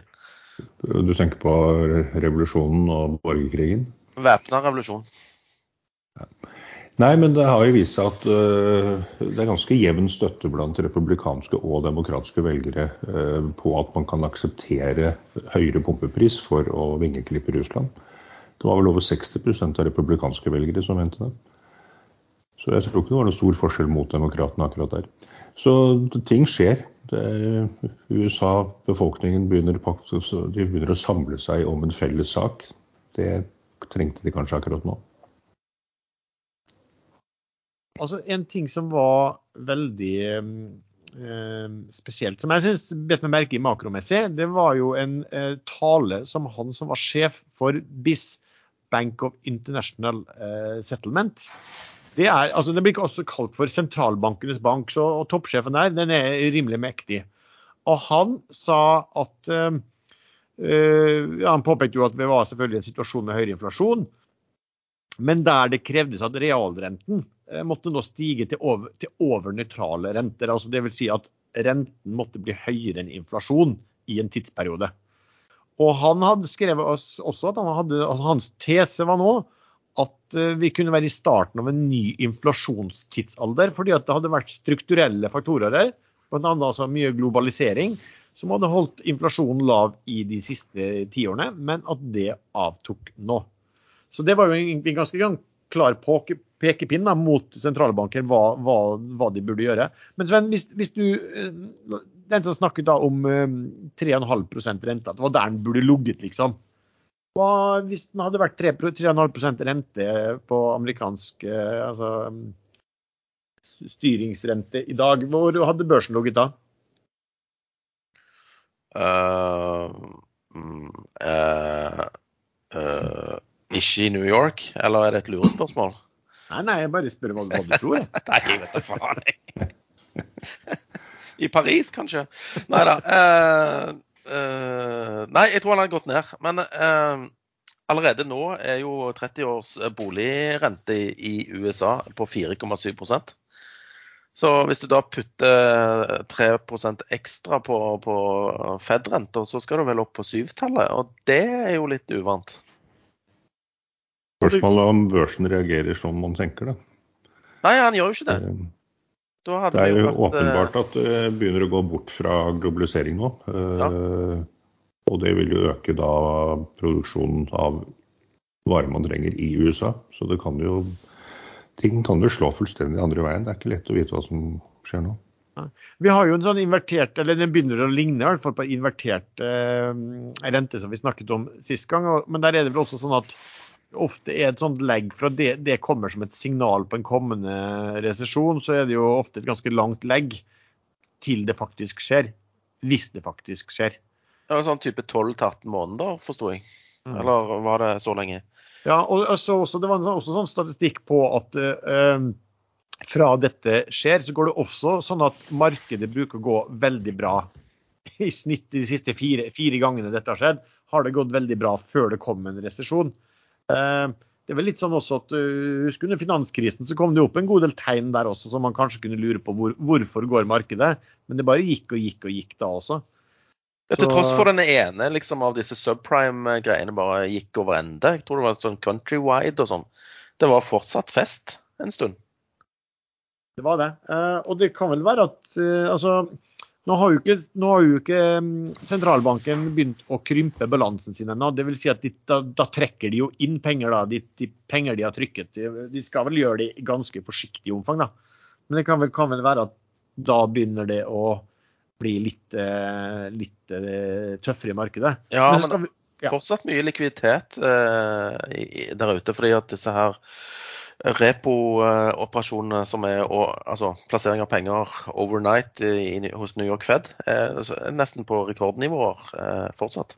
Ja, og hvis du ser hvor mye de har økt balansen sin med, da, hvor mye penger som er trykket, og hvor lite de skal hente tilbake i forhold til det, så er det jo sikkert flust av penger fortsatt der ute, for å si det mildt. Eh, Kan jeg ta en liten kommentar om Kina? Der har de jo covid-nedstengt eh, Shanghai nå. Eh, Først den ene halvparten av byen, og så den andre. Og det fungerte ikke, så nå har de stengt den hele. Eh, Veldig mange tror at Kina fremdeles er kommunistisk, men det er bare retorikken. Det er jo et land med en ganske bred markedsliberalisme. Det er jo en mengde småselskap, og det fungerer egentlig akkurat som Vesten i forhold til hvordan varer produseres. Det er private eiere, og det er ansatte som skal ha lønninger, eh, og husleie skal betales.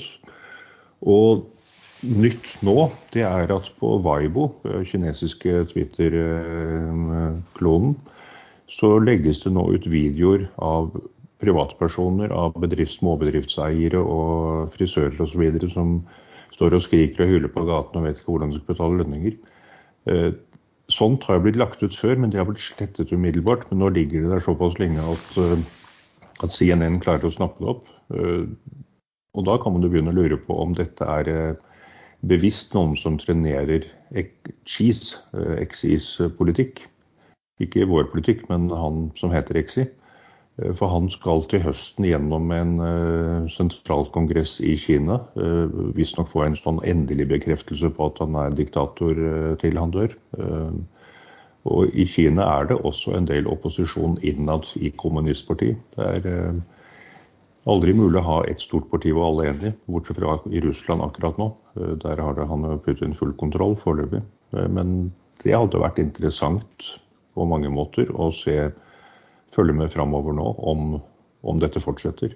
Om protestene mot covid-nedstengningene, og da sikkert også mot mange andre sider av det kinesiske styret, faktisk utvider seg og blir, blir et problem for styret. Men er det ikke, er det ikke veldig spesielt altså De holder på å fortsette å stenge ned. altså he, he, Full nedstengning i Shanghai på hva er det, en del av 20 millioner mennesker som bor der.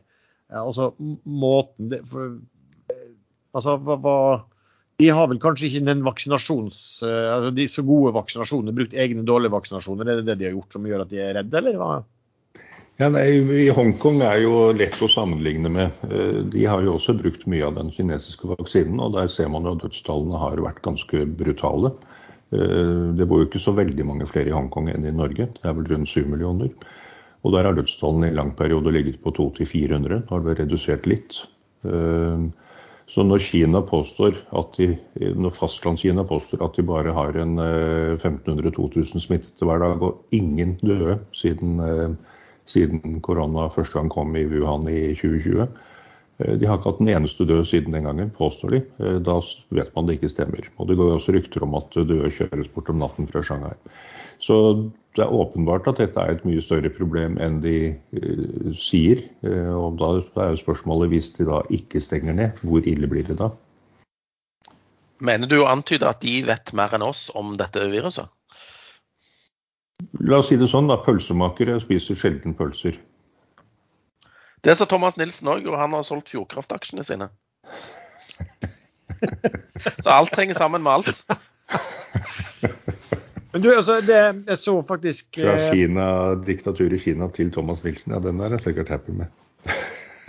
Altså, altså, Nomura som eh, skrev at eh, Som sa at i Kina så noe er i ferd med å gå virkelig galt. Se han som var sjefsøkonom for Kina for store Nomura. Altså, de, de bruker tydeligvis å sjekke en del sånne De stoler ikke så mye på statistikken fra offentlige kinesiske myndigheter. Men de, så de bruker tydeligvis å se på andre sånn aktivitetsindekser, bl.a. Altså kinobillettsalg og asfaltproduksjon. Eh, og de mener jo at det de finner ut der, er at eh, som sagt, han sa at noe er i ferd med å gå eh, virkelig galt med henhold til økonomisk vekst i, i Kina. Så det står her også at forrige uke så falt antall kollektiv kollektivreiser i åtte storbyer med 34% i til eh, i forrige uke, sammenligna med forrige uke i fjor. Shanghai var nedgang i 93 da, men det er klart er du nedstengning, så, får du, så er det ikke så mange som reiser med kollektiv heller. Så det er noe å følge med på. Kan noen forklare meg det uttrykket 'å bli shanghaiet'? Det lurte jeg på akkurat nå. Det kommer fra den gangen eh, gamle, de som er gamle i dag, eh, reiste enda eldre, og de som er døde tank til og med, eh, reiste til Shanghai. Og ble Når de hadde landløp, så ble de jo da Nå tror jeg jeg er litt ute og surrer.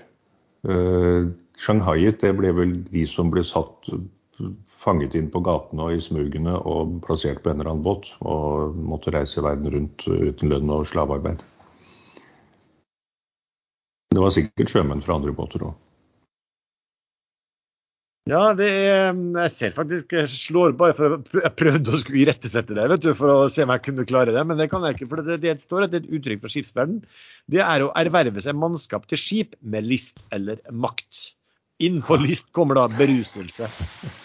Jeg brukte bare litt tid på å komme fram til det riktige svaret. Eh, Det er sånn. Du Sven, eh, vi har glemt en emisjon.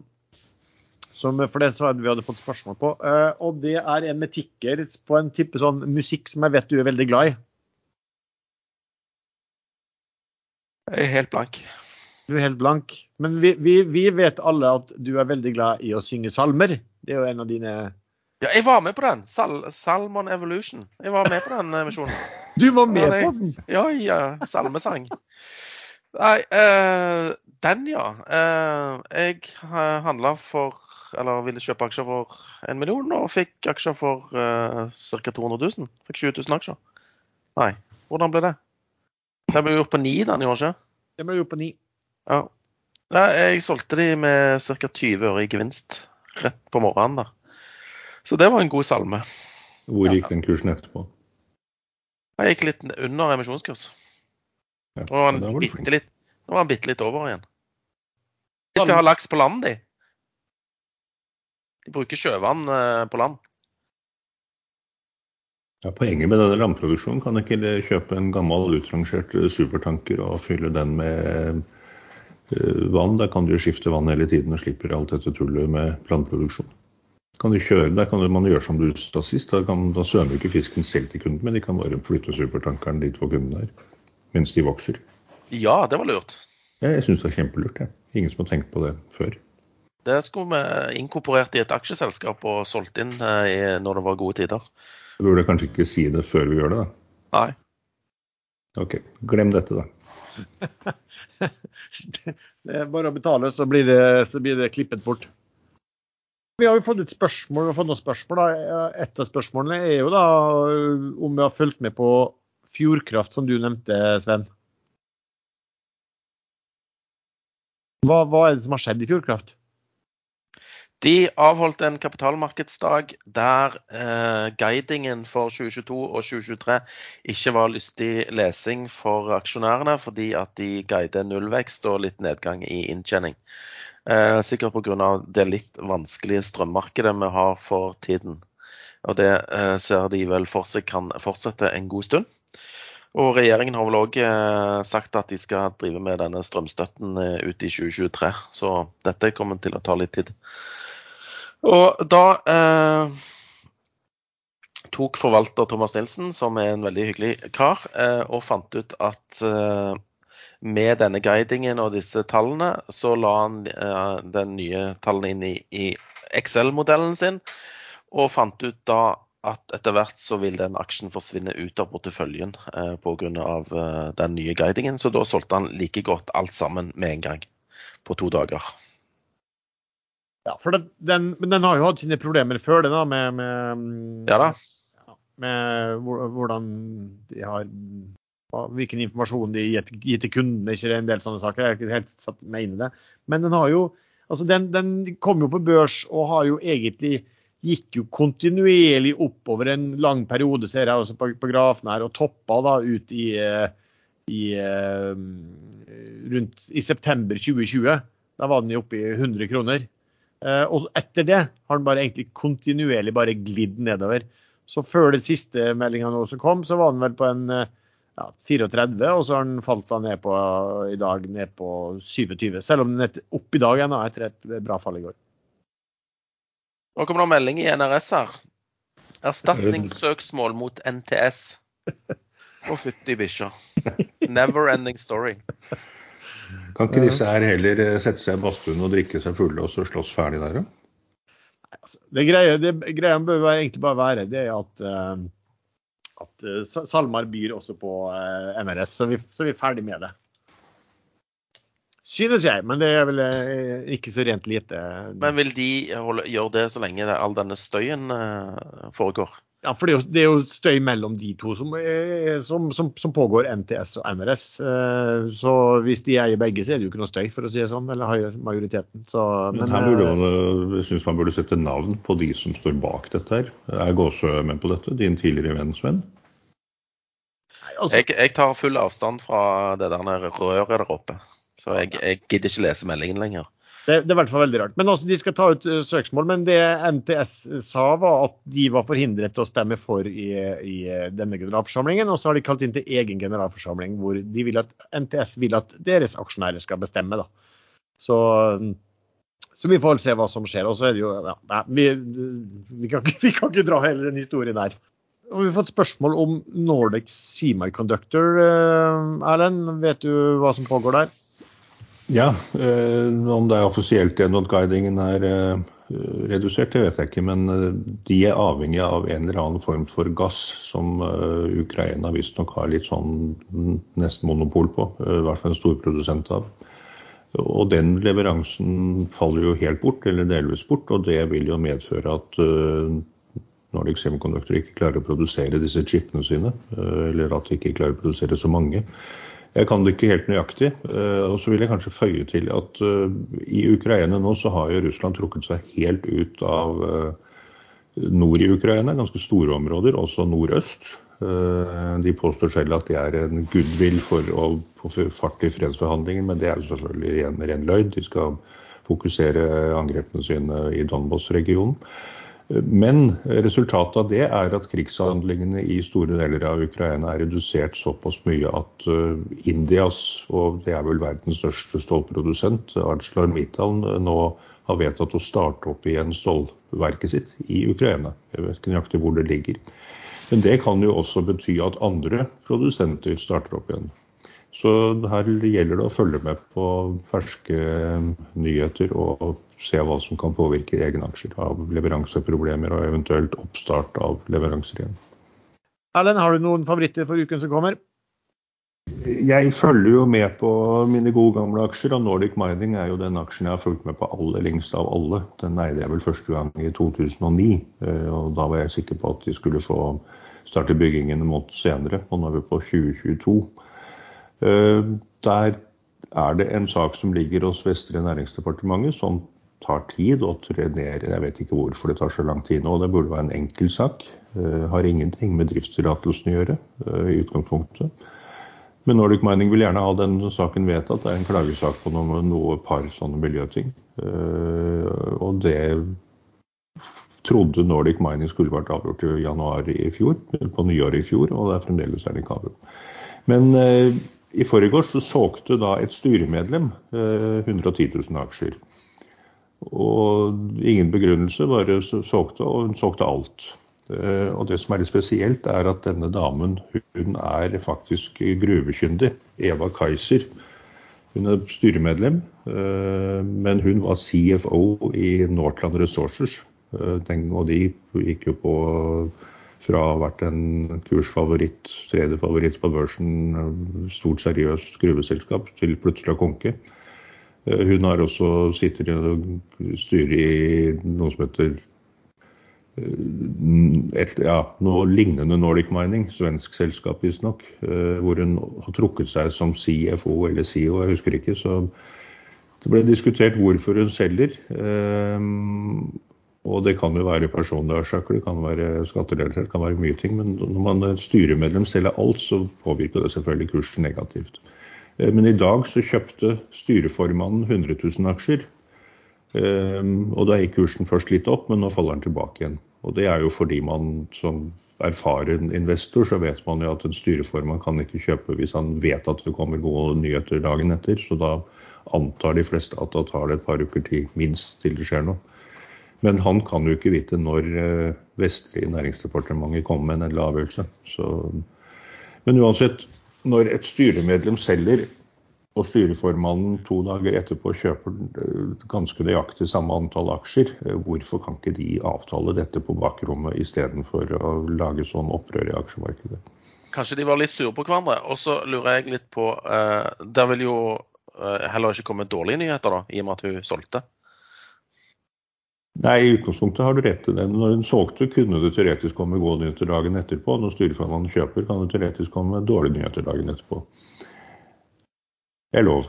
Hvis man vet at det kommer dårlige nyheter, så har man lov til å kjøpe. Som Men da burde man vel strengt tatt ikke hatt den jobben, eller være eh, Ja. For da er du jo direkte dum. det kan jo være at man tenker langsiktig, altså, men det er noen som gjør det i aksjemarkedet.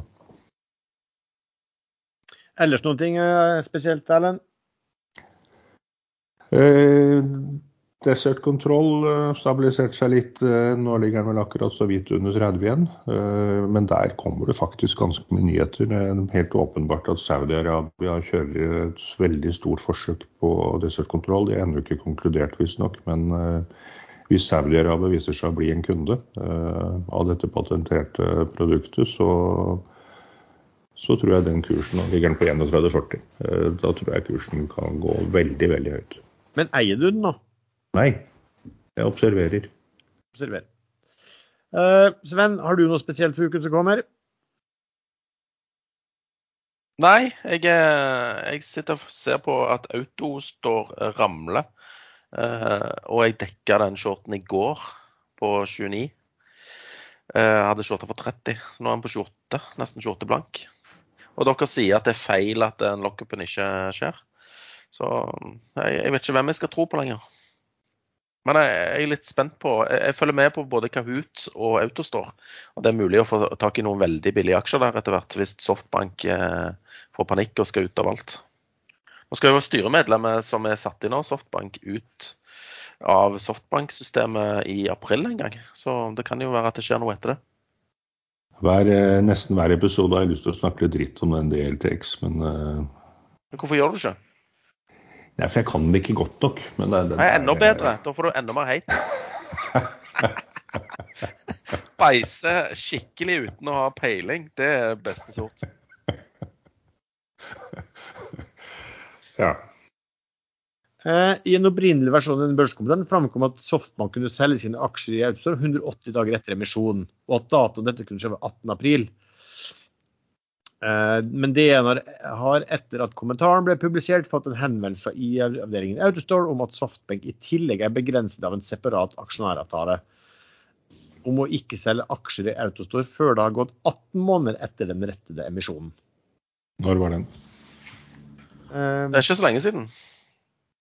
Så det, det er tydeligvis at de, Softbank en, en separat aksjonæravtale med storaksjonæren Thomas H. Lee Emisjonen var i oktober i fjor høst, står det. Så det er en del betingelser knytta til det. Så da er det ikke sånn at de bare kan eh, begynne å selge de aksjene sine. Ingen aksjer, eller bare de emisjonsaksjene? Nei, vi solgte andre aksjer, kan du si. Det står 'ikke kan selge aksjer', står det. Ja, men da ramler jo den uh, teorien din i Hva tror det? Fall, nei, faller ikke fisk? Og Hvordan var det der igjen? Jeg har helt glemt hva som er riktig svar. Men der er, der er, ifølge Ulf her, så er det jo én, to, tre, fire aktører der eh, lockupen går ut. Så det, det, kan jo bare være at det er Softbank som har den ekstra lockupen. Ja, det, det, er jo i og for seg altså Det er jo Softbank som Dagens Næringsliv har skrevet om, så det ja.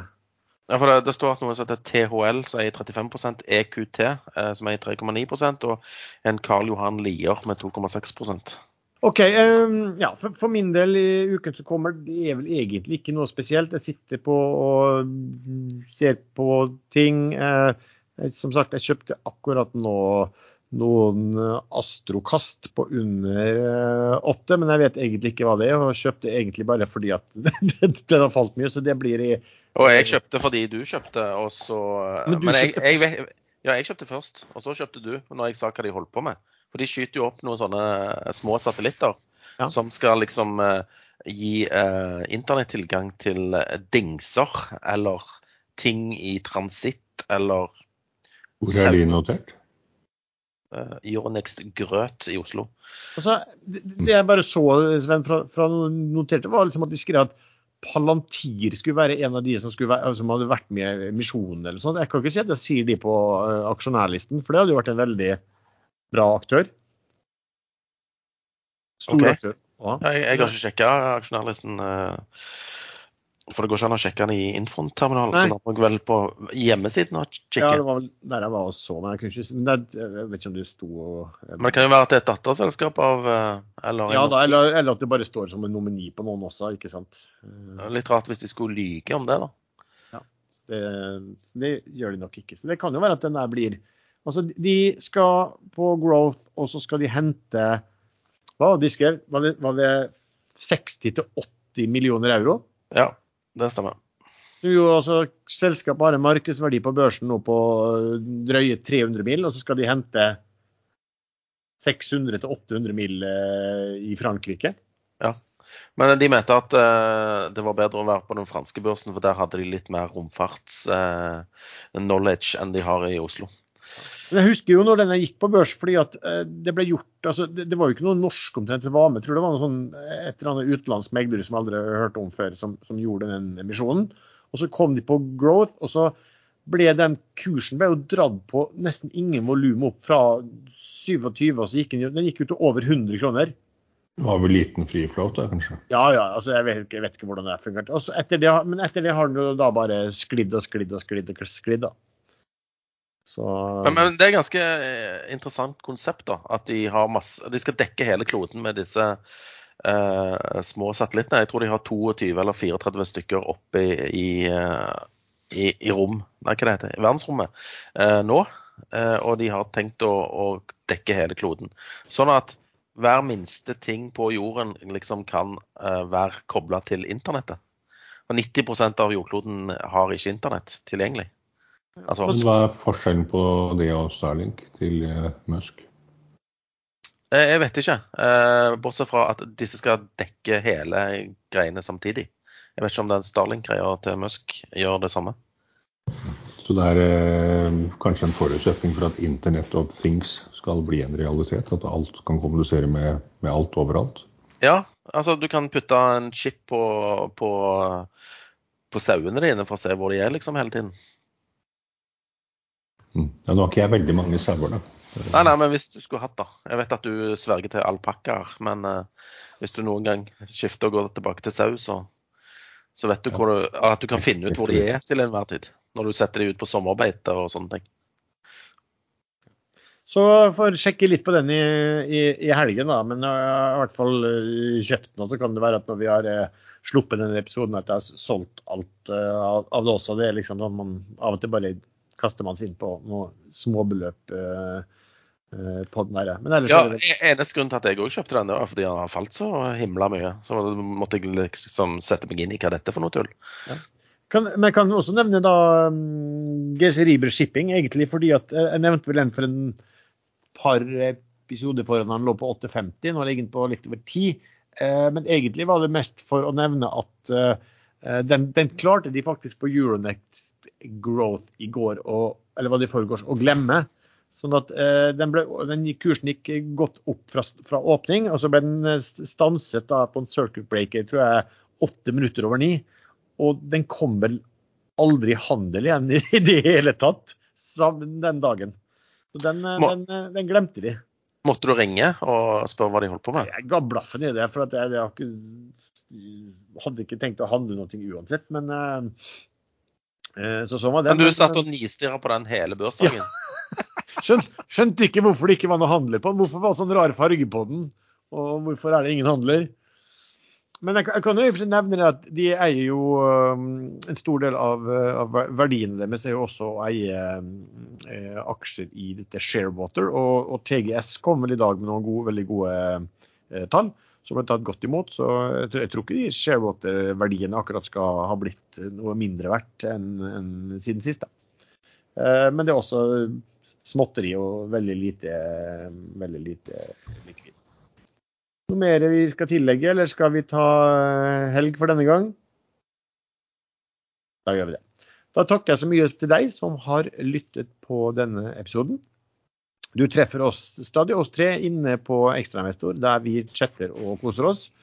Eh, vi har også en gruppe på Facebook som heter podkasten Aksjesladder, der du kan eh, kommentere episode eller stille spørsmål. Eh, musikken er som vanlig laget av sjazz.com, og vi høres. Ja, vi får håpe vi høres. da. Nå har eh, Finland sa vel i går at de har bestemt seg for å søke Nato-medlemskap, og muligens Sverige også. I dag er det da et gigantisk eh, cyberattack mot Finland, og russisk fly er observert inne i finsk luftterritorium.